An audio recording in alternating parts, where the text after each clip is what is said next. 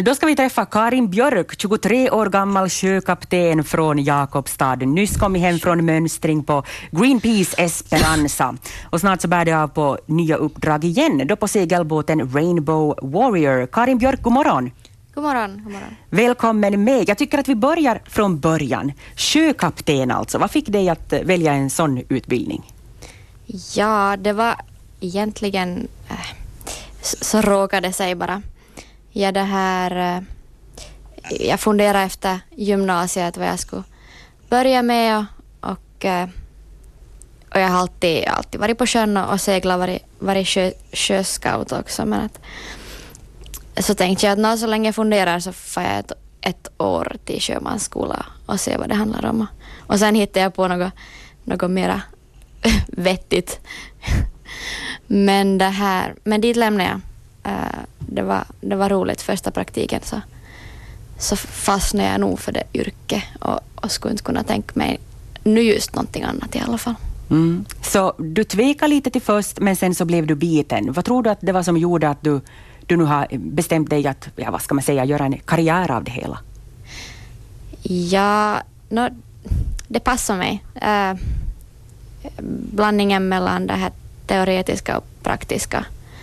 Uh, och det har, varit, det har varit jätteroligt och lärorikt och, och man får, får se nya, nya ställen som man annars aldrig skulle få se och göra saker som man annars aldrig skulle göra.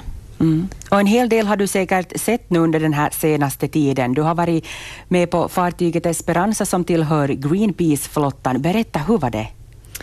Jo, äh, nytt. ja, det här, jag har jobbat inom, inom vanliga, vanliga fraktsjöfart, small tonnage bulk, bulkfraktbåtar. I fyra år jobbade jag där så länge jag gjorde färdigt studierna. Och sen eh, bestämde jag mig för att göra någonting nytt och, och, eh, och det, blev, det blev Greenpeace. Mm, jag, jag gjorde bara en kort turn för att testa på och se vad det riktigt handlar om. Uh, och det visade sig vara ett, ett jätteroligt roligt arbete och, och meningsfullt. Så, det här, så jag, jag, jag beslöt mig för att, för att fara på nytt nu här och stanna inom inom den firman. Mm. No, var, var fanns ni då på Esperanza? Var någonstans, eh, på vilka hav? No, hon, eh, hon seglade worldwide men att eh, just i somras som jag, som jag var ombord så, så rörde vi oss i, i Medelhavet, spanska kusten, södra spanska kusten först och sen reste vi upp till norra spanska kusten och Bilbao. Just det. Och vad var, vad var uppdraget så att säga? Varför var ni just där? No, Greenpeace är ju en internationell organisation och det är de som har de här fartygen. Sen finns det en massa, massa äh, mindre kontor runt om i, om i världen.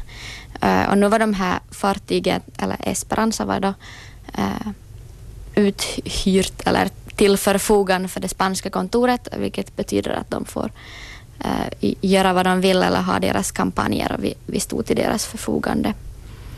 Uh, det började med i södra Spanien så hade de en kampanj mot, uh, mot plast i, i haven. Uh, och dessutom mot bebyggelse på naturaområden vid kusten. Så, så vi, vi, vi hade en vecka hade vi forskare ombord som, som utforskade de här marina reservaten och vi fick se, se delfiner och olika äh, sjö, sån här marint liv. Mm.